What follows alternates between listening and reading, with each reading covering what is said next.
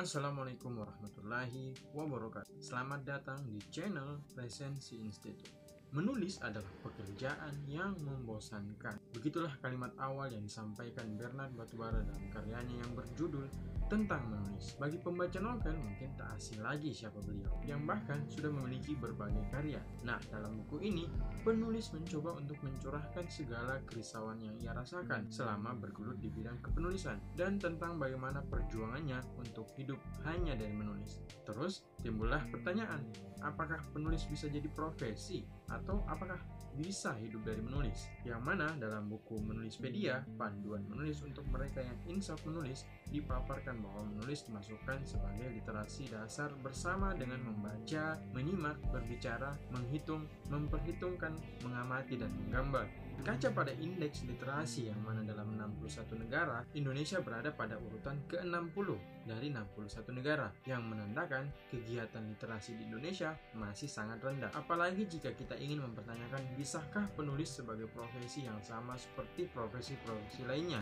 Di zaman sekarang, untuk memberikan identitas terhadap diri bahwa Anda adalah seorang penulis, Anda akan menerima konsekuensi sosial yang harus diterima. Contoh, ketika Anda ingin melamar pasangan Anda dan Anda memperkenalkan diri Anda sebagai seorang penulis, menulis dan dari situ pula lah Anda menghasilkan uang. Persepsi awal yang mungkin akan Anda terima ialah Anda akan ditolak oleh calon mertua Anda dikarenakan menulis hanya dianggap pekerjaan sebelah mata. Pendidikan kita di Indonesia hanya terus membuat generasi pekerja, Ketika kita bertanya kepada para mahasiswa tingkat akhir akan ke manakah atau ingin jadi apa ia setelah menyandang status sarjana, sebagian besar pertanyaan itu akan dijawab ingin masuk kantor entah swasta ataupun PNS yang setiap tahunnya selalu ditunggu-tunggu banyak orang menjadi istri yang baik hingga ikut apa kata orang tua.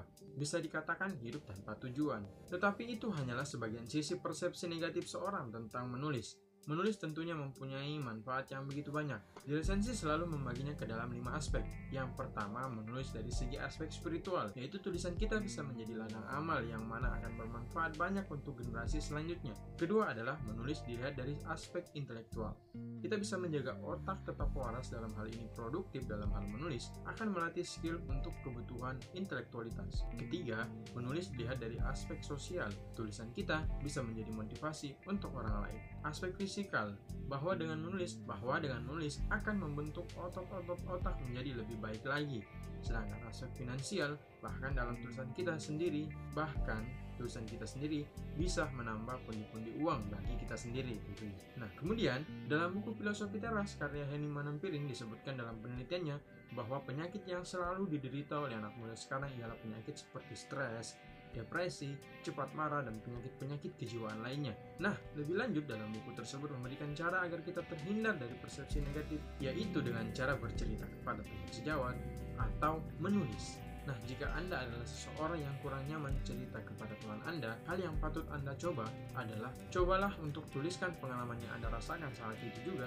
Tulislah semua yang ingin Anda utarakan tanpa harus memperdulikan kaidah penulisannya terlebih dahulu atau rewriting dengan tujuan agar kita dapat mengenal ke dalam diri kita sendiri. Seperti tujuan kaum Stoa dalam hidupnya ialah bagaimana hidup dapat meminimalisir emosi negatif yang selalu datang di setiap saat dan salah satu medium itu adalah menulis. Dengan menulis, kita dapat menjaga kewarasan. Kemudian lebih lanjut lagi dalam buku Menulispedia disebut bahwa ada beberapa tipikal-tipikal penulis.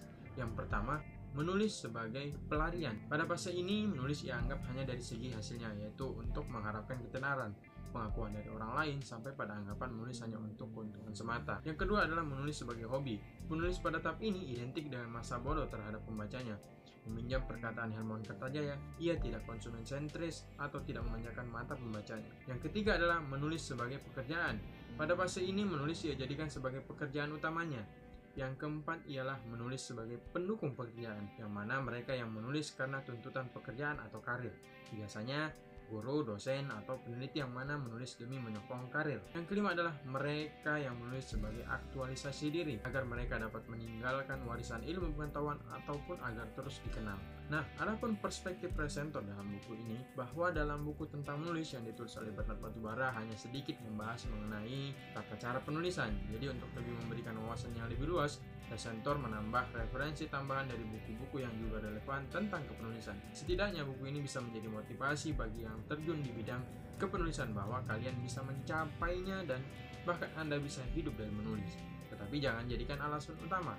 Itu hanyalah reward yang Anda dapatkan. Yang lebih penting adalah buatlah tulisan yang bermanfaat untuk generasi mendatang. Dan jika ingin terjun di bidang kepenulisan, referensi menjadi kunci utama keluasan tulisan Anda. Dan jangan lupa untuk temukanlah mentor yang dapat membimbing Anda. Terima kasih. Ada pertanyaan?